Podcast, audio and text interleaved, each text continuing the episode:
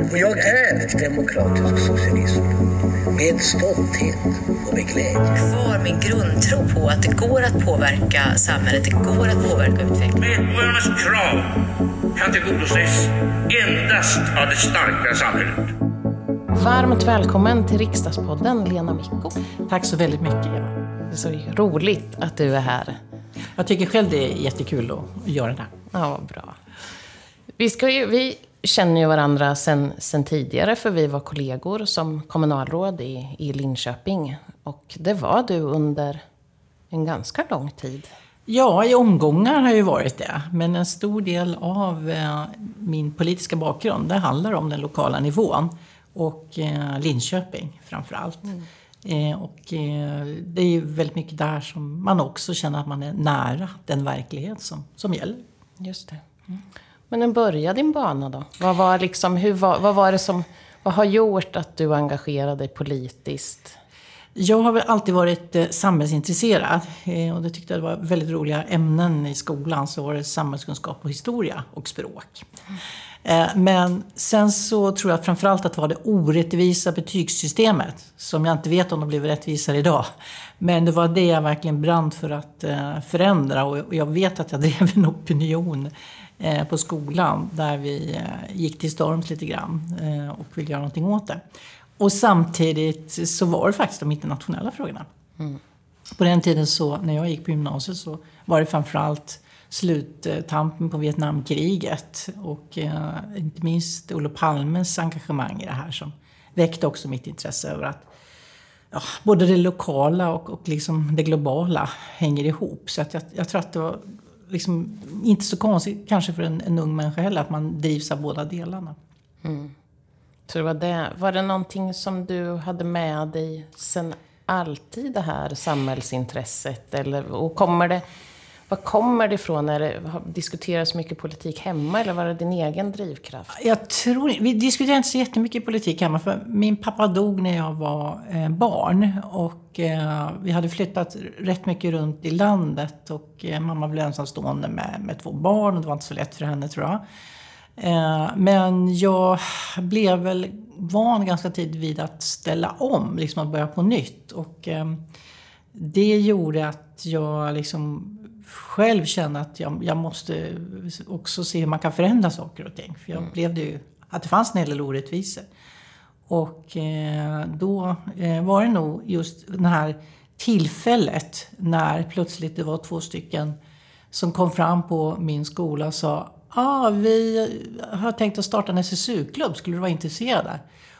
Och det var liksom på något vis eh, det som var gnistan till att det blev någonting sånt. Ja, det låter ju intressant. SSU, vad är det för något? Ja, sådär va, mm. då visste man inte så mycket. Men eh, ganska snart så, eh, så växte det intresset faktiskt. Och det har jag väldigt mycket att tacka SSU för. Mm. en bra organisation för att fånga Absolut. upp engagemang och, och driv. Ja. Och sen så blev du som sagt, precis som du säger, det lokala och Linköping och det kommunala perspektivet blev din mm. plattform men mm. också drivkraft under väldigt mm. lång tid. Mm. Så. Men du har inte varit konstant politiker. Som du, du har jobbat lite ja, och... Ja. Absolut. Nej, men jag har väl alltid eh, haft engagemanget i frågor som ändå berör samhället och, och så även yrkesmässigt. Och eh, alltså när man är yngre så vill man hålla på med allt möjligt samtidigt. Och det har väl präglat mig lite grann överhuvudtaget. Jag tycker det är roligt att sätta sig in i nya frågor, träffa nya människor. Och eh, SSU-tiden var väldigt mycket präglad av det. Men att man samtidigt sen eh, kunde göra mycket annat. Och eh, jag upplevde ju sen efter ett tag att som ung tjej var man ganska ensam. Alltså de flesta la av och eh, gjorde annat och, och, då blev det kanske studier eller yrken. Men jag fastnade nog för att försöka kombinera. Alltid tyckte att det var roligt att liksom inte fastna i någon särskild sak utan hålla på med lite idrott eller liksom alla möjliga intressen. Och eh, det gjorde sen att även om jag då fortsatt var engagerad politiskt på olika sätt så vill jag även pröva på annat. Och eh, det blev sen så att jag liksom hade möjlighet att, att också eh, prova på, det gäller arbetsmarknadsfrågor, att jobba med det. Eh, och eh, samtidigt eh, utbilda mig i att också kunna klara ganska mycket av det som var eh, samhällsuppdrag. Arbetsförmedlingen, praktik och samtidigt gå en utbildning när man ändå fick en del färdigheter på olika områden. Och sen läste jag franska, eh, jätteroligt. Och hade planer på att jag flytta utomlands men så blev det inte riktigt då. Eh, och så träffar man någon man blir kär i och det präglar en och då är det liksom den här kombon som är viktig. Eh, men även om det sen handlade ganska mycket om liksom att engagera sig och jag hade mycket SSU-utbildningar, vi pratade SSU, som har gett mig jättemycket. Bommersvik och grundutbildningar, kurser, alltihopa. Den här skolningen. Så var det också viktigt att det inte var det enda som gällde. Utan att man också hade något annat man prövade på. Mm. Och det, det tror jag eh, inte minst liksom har fört med sig att jag just är präglad av att försöka vara ganska öppen i alla fall i, i liksom intryck och sådär. Mm. Mm. Att få in olika saker. Ja, faktiskt. Mm. Och sen så väldigt tidigt så var jag ju intresserad också av eh, hur vi då jobbade med att eh, ta emot flyktingar. Mm. Eh, och eh, engagera mig i det. Jag fick också frågan om att, att jobba med det. Och Linköping var en, eh, kan kalla det för, en, en kommun som var först ute nästan med ett annorlunda sätt att arbeta med mottagande. För väldigt många hade ju tidigt socialtjänsten inne som ju är viktig. Men vi försökte också att det skulle bygga på den bakgrund man hade när man kom hit. Hur tog man tillvara den och normalisera? Man kom ifrån traumatiska upplevelser så handlar det lite om att, att ändå eh, faktiskt se eh, just det man hade med sig som kunskaper som kunde användas. Mm. Och då jobbade vi eh, väldigt nära på den tiden Statens invandrarverk i Norrköping och gjorde många roliga saker. Så att, eh, jag eh, upplevde att vi blev lite av en pionjärkommun i Linköping. Eh, och, eh, och sen fick det till följd att, att jag också engagerade mig i Riksförbundet för personal vid invandrarbyråer och blev dess ordförande. Mm-hmm. Ja, och det, det var, visste jag inte. Nej, jo, det var himla kul. Det var ju också, innebar ju jättemycket kontakter med mm, kollegor i, runt om i, i landet. Och dessutom så blev det också ett fackligt arbete inom Vision, som det nu mer heter. Då hette det eh, SKTF. Och vi var ett, ett, en yrkesförening inom inom den organisationen. Så så började också den här kopplingen till att eh, det spelar roll hur vi också liksom samarbetar över olika gränser. Mm. Så det hade jag med mig. Och så fick jag en hel del vänner också eh, genom eh, den typen av uppdrag och engagemang. Mm. Vad spännande. Mm. Hur mycket har du, liksom, har du kunnat ha nytta av, jag tänker så här, arbetsmarknadsfrågor, integration, hela... För det måste du ju ha tagit med dig i hela ditt politiska liv mm. sen? Jag tycker att det har haft väldigt stor betydelse. Att eh, ibland är det så här att vi vill ju liksom vi vill ju verkligen greppa över mycket för att åstadkomma förändringar. Men att just se att det spelar stor roll att den enskilda personen man träffar, familjen som man jobbar med, att de når en förändring. Att man ser det. Eh, det betyder väldigt mycket för att man ska orka själv tror jag. Och därför så har det också varit viktigt att när vi jobbar, när jag har jobbat med arbetsmarknadsfrågorna, personalutveckling, människor som hamnar utanför arbetsmarknaden, det kan hända vem som helst. Att också se att det går att se förbättringar, det går att se förändringar och att, att man kan uppleva det nära inpå sig, för annars tror jag inte man orkar. Eh, och det är så viktigt i alla yrken egentligen. Men när vi pratar om människor så, så är det just det stora för att då se, aha, hur ska vi gå vidare då med reformerna? Att, liksom på tal om att vara pionjärer så jobbar vi ju jättemycket med att hitta egna modeller för att lösa frågor. Eh, och, och, när vi inte tyckte att staten då gjorde vad de skulle. Och det har ju också varit eh, viktigt fortsatt. Och där vi har ju nätverk av kommuner som prövar annorlunda och, och liksom kommer fram. För att jag har ju för sig den roll jag är idag då, fått lite mer tålamod och förstår att det, saker och ting tar tid. Men jag förstår fullständigt frustrationen över att mm, man, ibland måste man försöka snabba på processer och, och, och se det här. Liksom. Eh, och det, alltså det tror jag är viktigt och då måste man också vara, det tror jag är, pragmatisk. Mm. Att inte se bara en enda lösning utan vara beredd på om man ska nå resultat, faktiskt ge och ta. Ja, men det är min bild att du är. Försöker vara det. Men hur, hur är det, när du sa det att du var liksom engagerad i SSU och då var det många, alltså, och när du kom vidare sen och tog plats i lokalpolitiken, Mm. då var det inte så många kvinnor där. Nej, och det var väldigt mycket glastak. Ja. Eh, och Eh, det är svårt att vara ensam eh, och vara först på allt. Jag var den första kvinnan som blev kommunalråd i Linköping. Och jag minns så väl den dagen när jag hade blivit vald och så gick jag på en trottoar hemma i stan och så såg en stor fet löpsedel på andra sidan på korgen då. Det stod det Kvinna, nytt kommunalråd i Linköping. Och då tänkte jag, undra vem det är? Innan det slog mig, ja men det är ju jag. Alltså det var så här ofattbart. Oj, då, vart bara, då kände man tyngden på något vis. Liksom, Att vara först. Liksom så. Det var lite småläskigt. Men, men då eh, uppfattade jag ganska tidigt, då var vi ändå några stycken som såg behovet av att hålla kontakt med varann. Eh, för att eh, om, om det inte var hemma så var det ändå de andra som, så i andra kommuner. Att skapa nätverk eller att, ja, som det hette väl inte så då, men vi, jag vet att vi bildade någon grupp där och eh, eh det vart lite hotfullt tror jag. för, för en del för att vi skojade om att vi ville ha något annat än grogg extra på lördag eftermiddagarna som det var då, tips extra som gick på det. Och det där eh, var ju inte alla som tyckte var så bra. Nej, det var- man skojar, man fick inte göra så.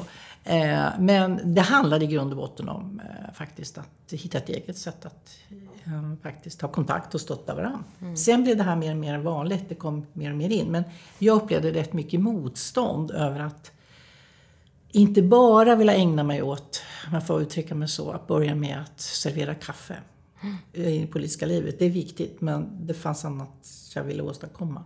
Och det där blev en generationsmotsättning ganska mycket i början. Som det tog ett tag tror jag att komma vidare. Eh, men jag, jag tror att det, det vill jag verkligen säga att ehm, jag eh, tror definitivt inte på allt jag har gjort att vara bitter eller någonting sånt. Man måste gå vidare. Man ska ta med sig saker och få erfarenheter. Men det är så viktigt att hela tiden tänka på att eh, det här är inte hela världen. Det, alltså det finns, det finns eh, saker som är viktiga, ens hälsa till exempel och liknande. Så politiken eh, har stor betydelse men det är inte allt. Men jag tänker också att det där är ju väldigt medvetet och bra. Att, eh, för jag tänker, hur brottas man med det där med att kanske inte alltid bli tagen på allvar just för att man är den man är, som man inte kan påverka. Och hur, vad kan du ge för råd till andra som känner att man är i den där... Att alltid tänka på att det är värt att ta steget. För man måste, man måste ändå inse att det är oavsett i vilken värld man är i så kommer det alltid att finnas andra uppfattningar. Det kommer alltid att finnas eh, kritik. Men att det inte riktar sig mot mig som person. Men väldigt mycket av det upplevde jag ju ändå, att det var så.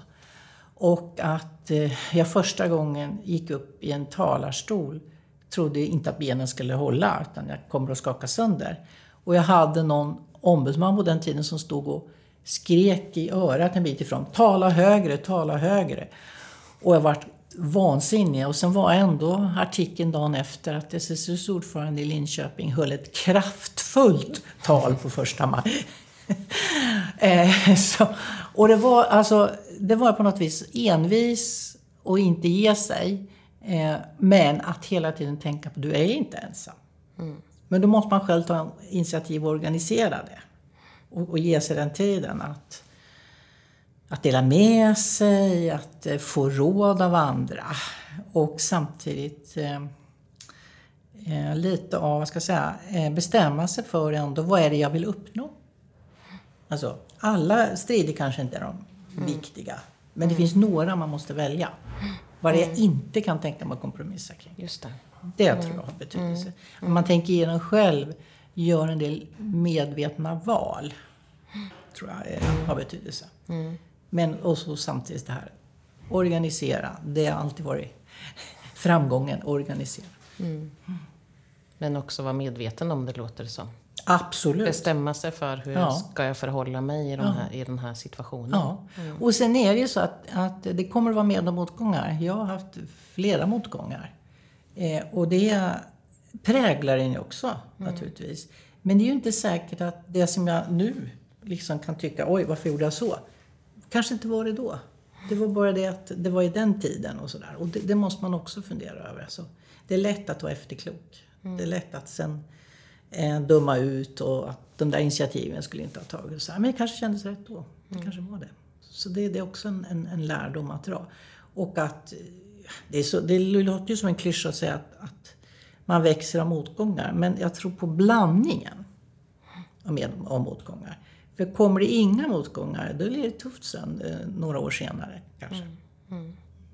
Måste man bli hårdhudad?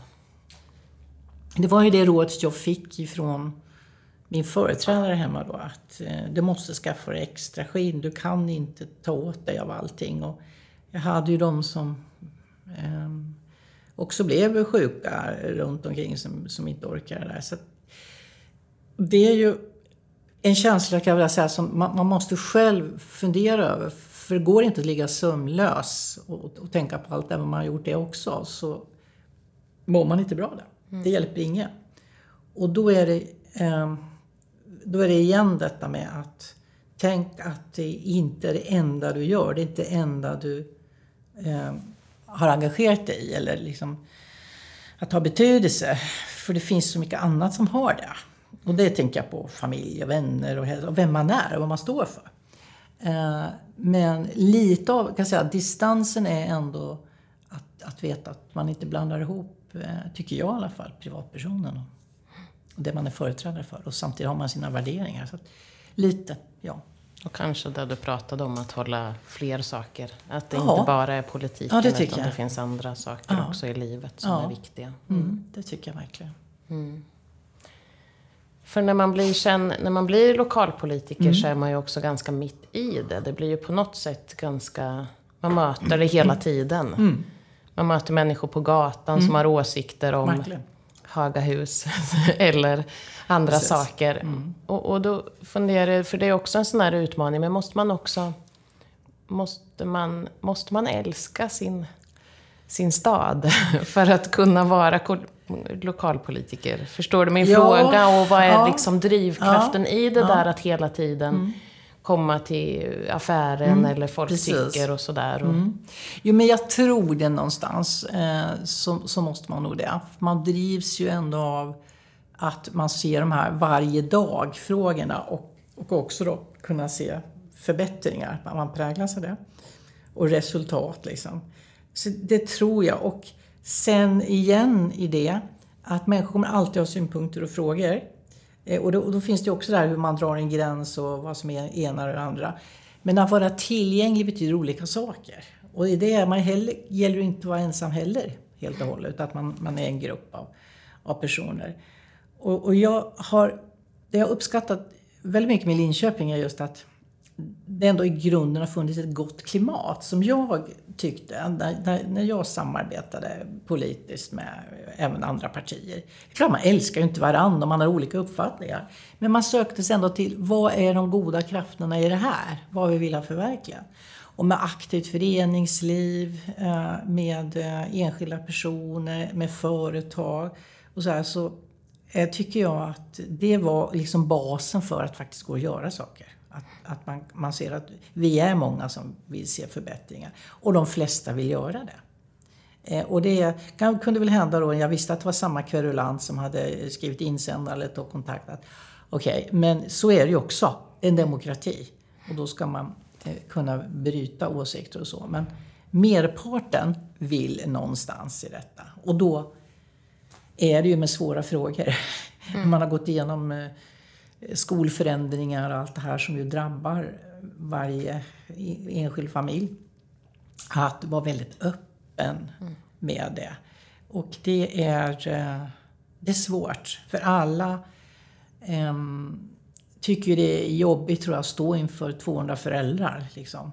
Och det kanske inte var det bästa sättet att hålla den här dialogen. Det, det, det skulle vara annat som också pågick. Där har det hänt en del.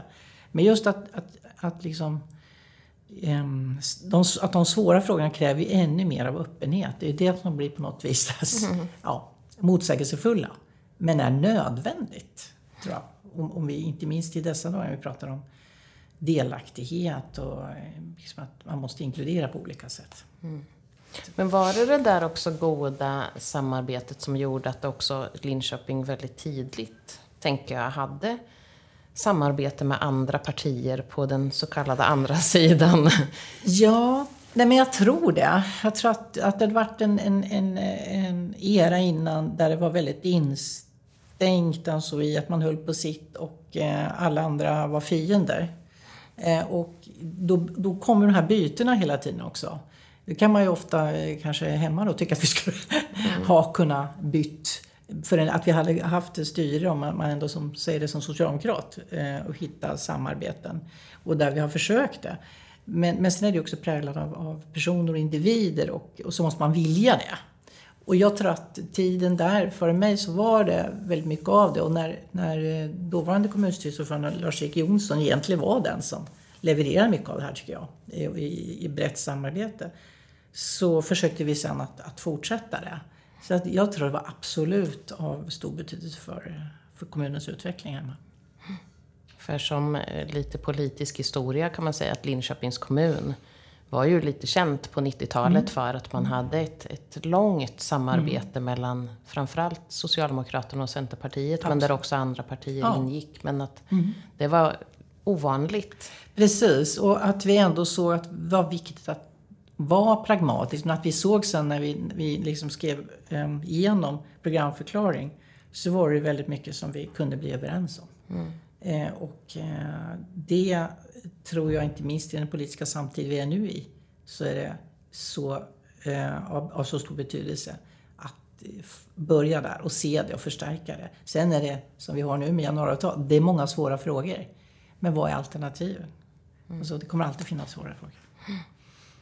Mm. Gjorde det också att det blev lite lättare? För jag tänker att när du klev vidare efter alla mm. åren som kommunalråd och mm. kommunstyrelsens ordförande och så i mm. Linköping mm. så, så hade du ju delvis parallellt men sen när du tog steget eh, och gick in i Sveriges kommuner mm. och landsting som det hette då. Det. Nu. Sveriges kommuner och regioner. Mm. Det här samarbetet, för jag tänker att då är man ju, en, då är man ju ordförande för lokalpolitiker av alla mm. olika partifärger mm. och, och hur, hur, mm. hur påverkar det ja. dig?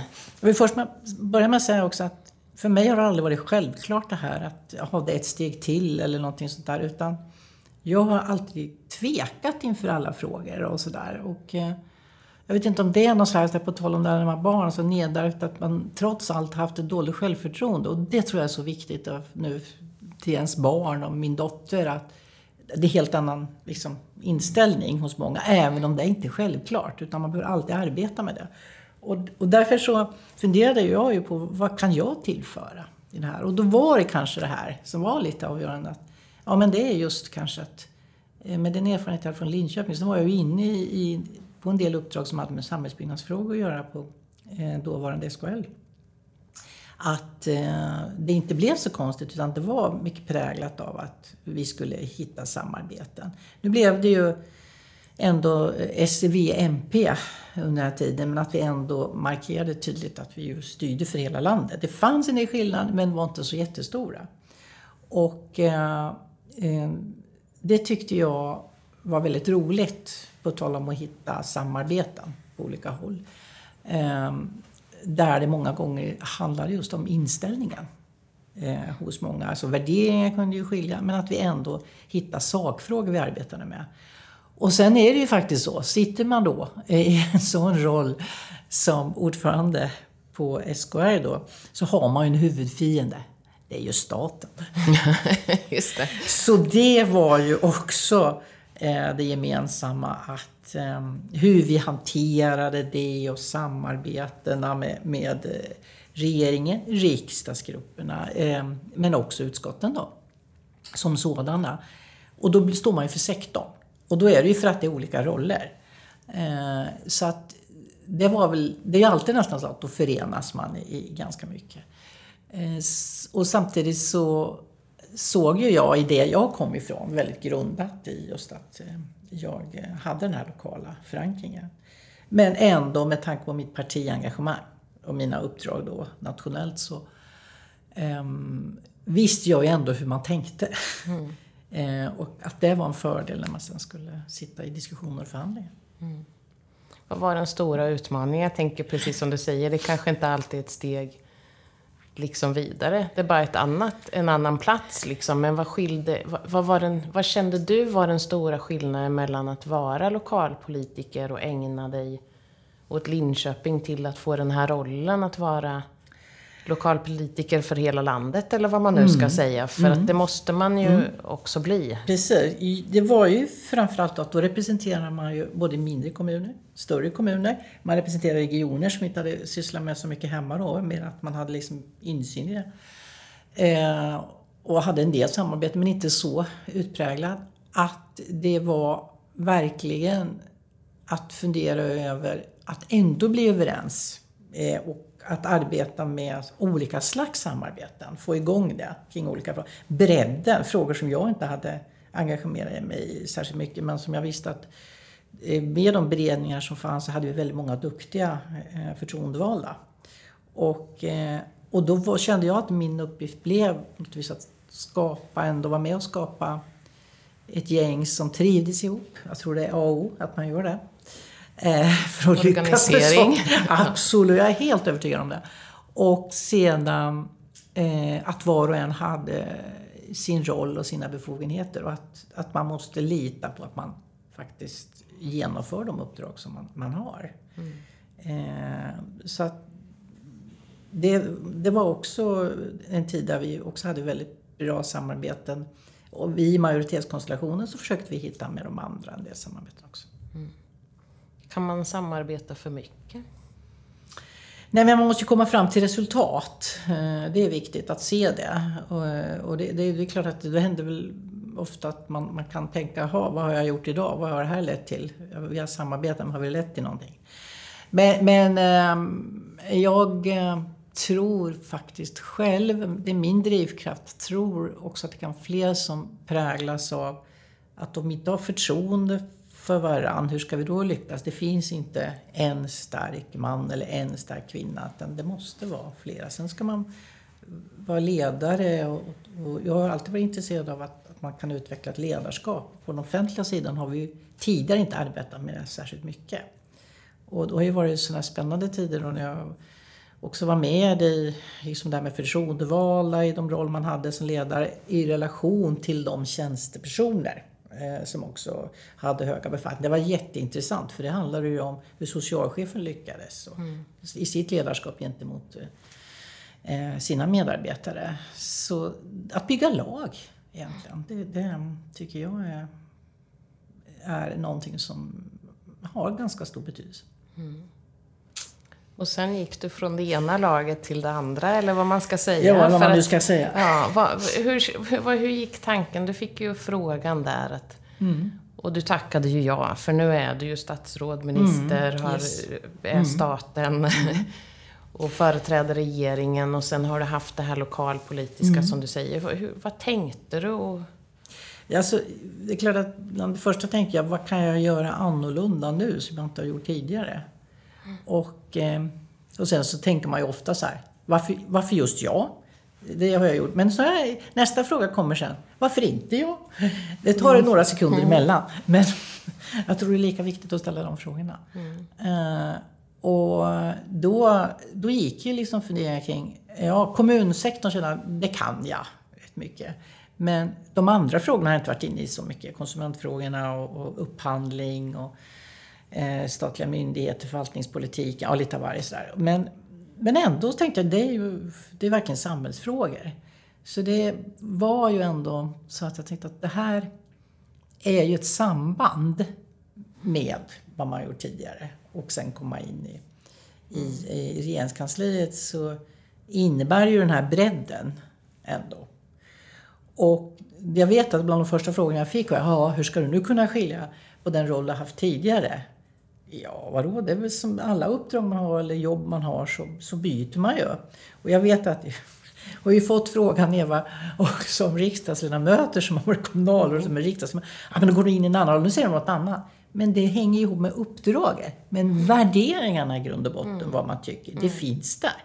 Men man måste också se eh, till att man ska åstadkomma resultat naturligtvis. Mm. Mm. Så att, att eh, det har väl varit liksom efter de tidigare uppdragen, efter kommunala och komma in i den här världen, så är det ju väldigt mycket präglat av att vi alla ska vara överens om det är eh, i en regering. Det är annorlunda när du sitter i en kommun. Kommunstyrelsens ordförande kunde ju faktiskt väldigt mycket räcka upp handen och säga jag tycker så här. Mm, mm. Det kan inte statsråd göra precis på samma sätt. Utan Nej, det blir en del i ja, ett lag precis. snarare än ja, absolut. Det tycker jag. Nej, men jag, för, jag förstår även om inte jag har, men jag har ju också, jag har ju gått från kommunpolitiker till riksdag. Jag, för mig var det inte särskilt dramatiskt nej, faktiskt. Nej.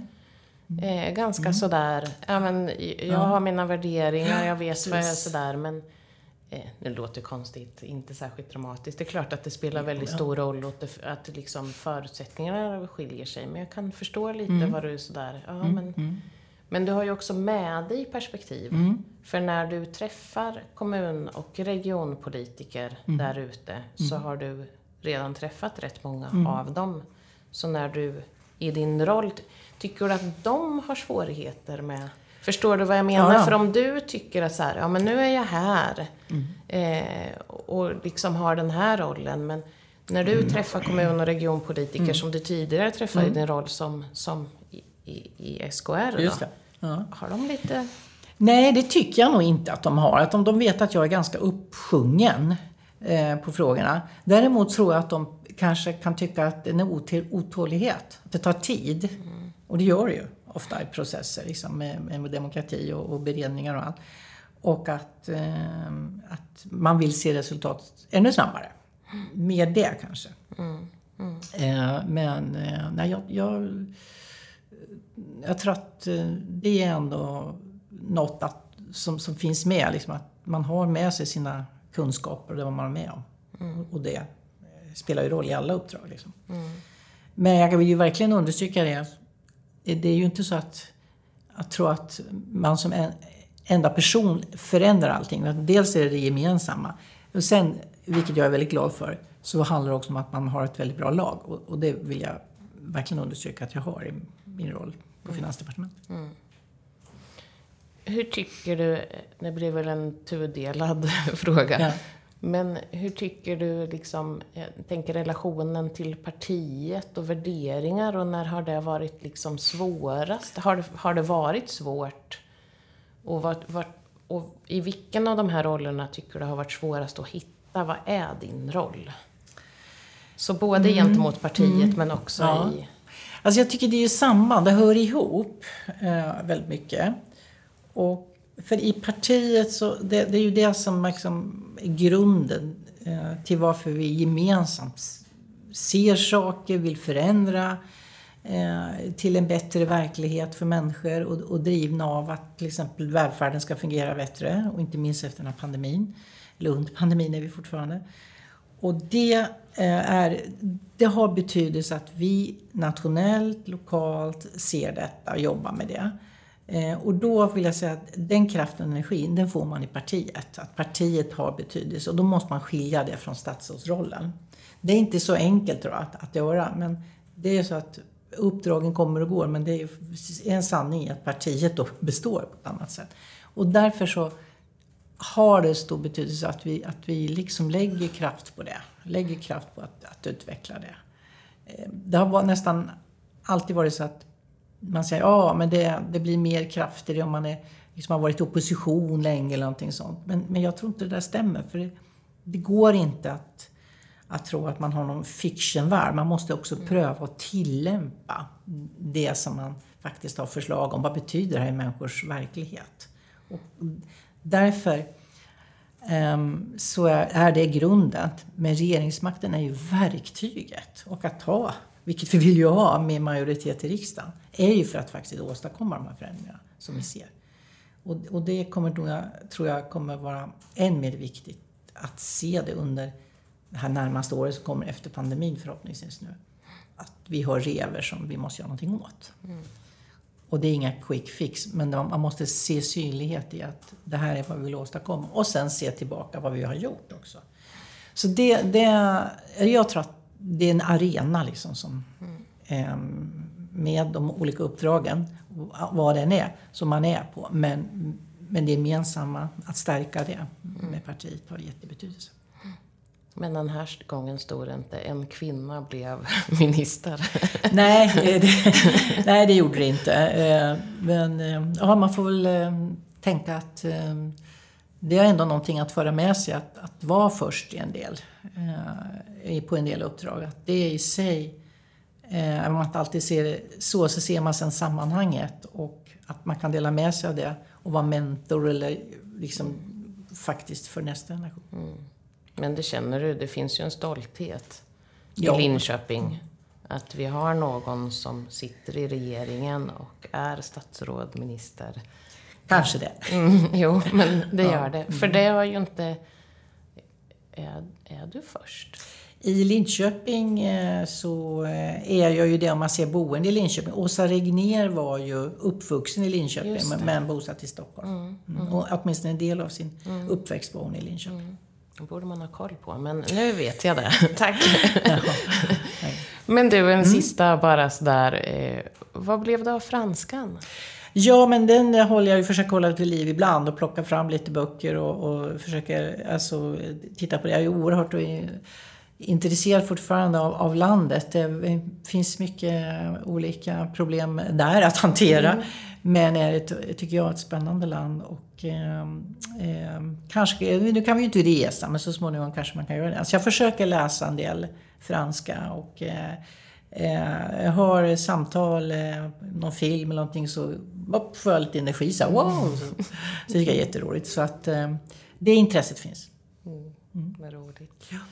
Som alltid jätteroligt och spännande att prata med dig Lena. Ett varmt tack att jag fick göra det här i Riksdagspodden också. Tack så jättemycket Eva. Väldigt roligt att få göra.